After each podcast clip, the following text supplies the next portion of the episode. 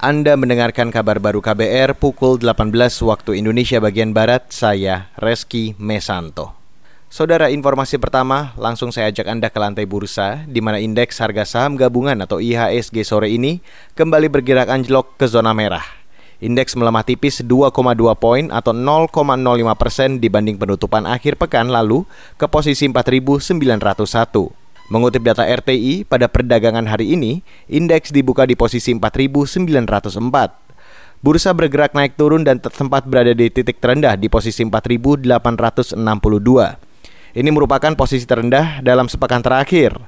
Total volume yang diperdagangkan hingga siang tadi mencapai 6,8 miliar unit saham dengan nilai transaksi sebesar 5,3 triliun rupiah dan frekuensi perdagangan lebih dari 515 ribu kali. Pelemahan juga terjadi di hampir semua bursa Asia, di mana indeks Nikkei Tokyo mengalami pelemahan paling tajam hingga 2,3 persen.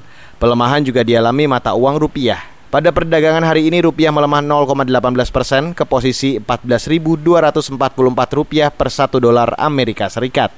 Beralih ke informasi selanjutnya, markas besar kepolisian menerjunkan lebih dari 77 ribu personel di daerah untuk mengamankan masa transisi menuju kenormalan baru.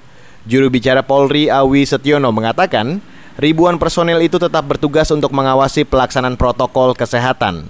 Meski maklumat Kapolri tentang kepatuhan terhadap kebijakan pemerintah dalam penanganan penyebaran COVID-19, termasuk mengenai larangan berkerumun telah dicabut. Kemudian dengan pencabutan maklumat Kapolri tersebut, bukan berarti Polri tidak melakukan pengamanan, pengawalan terkait dengan penanggulangan pencegahan COVID-19. Bahkan Polri telah menyiapkan pengamanan masa transisi menuju new normal dengan melibatkan sebanyak 77.897 personil Juru bicara Polri Awi Setiono menambahkan, ribuan personel itu disebar ke daerah mulai dari yang zona hijau hingga zona merah.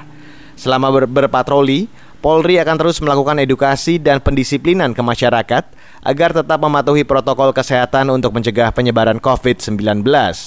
Awi menyatakan jajaran Polri akan tetap melakukan edukasi dan pendisiplinan kepada masyarakat agar mematuhi protokol kesehatan.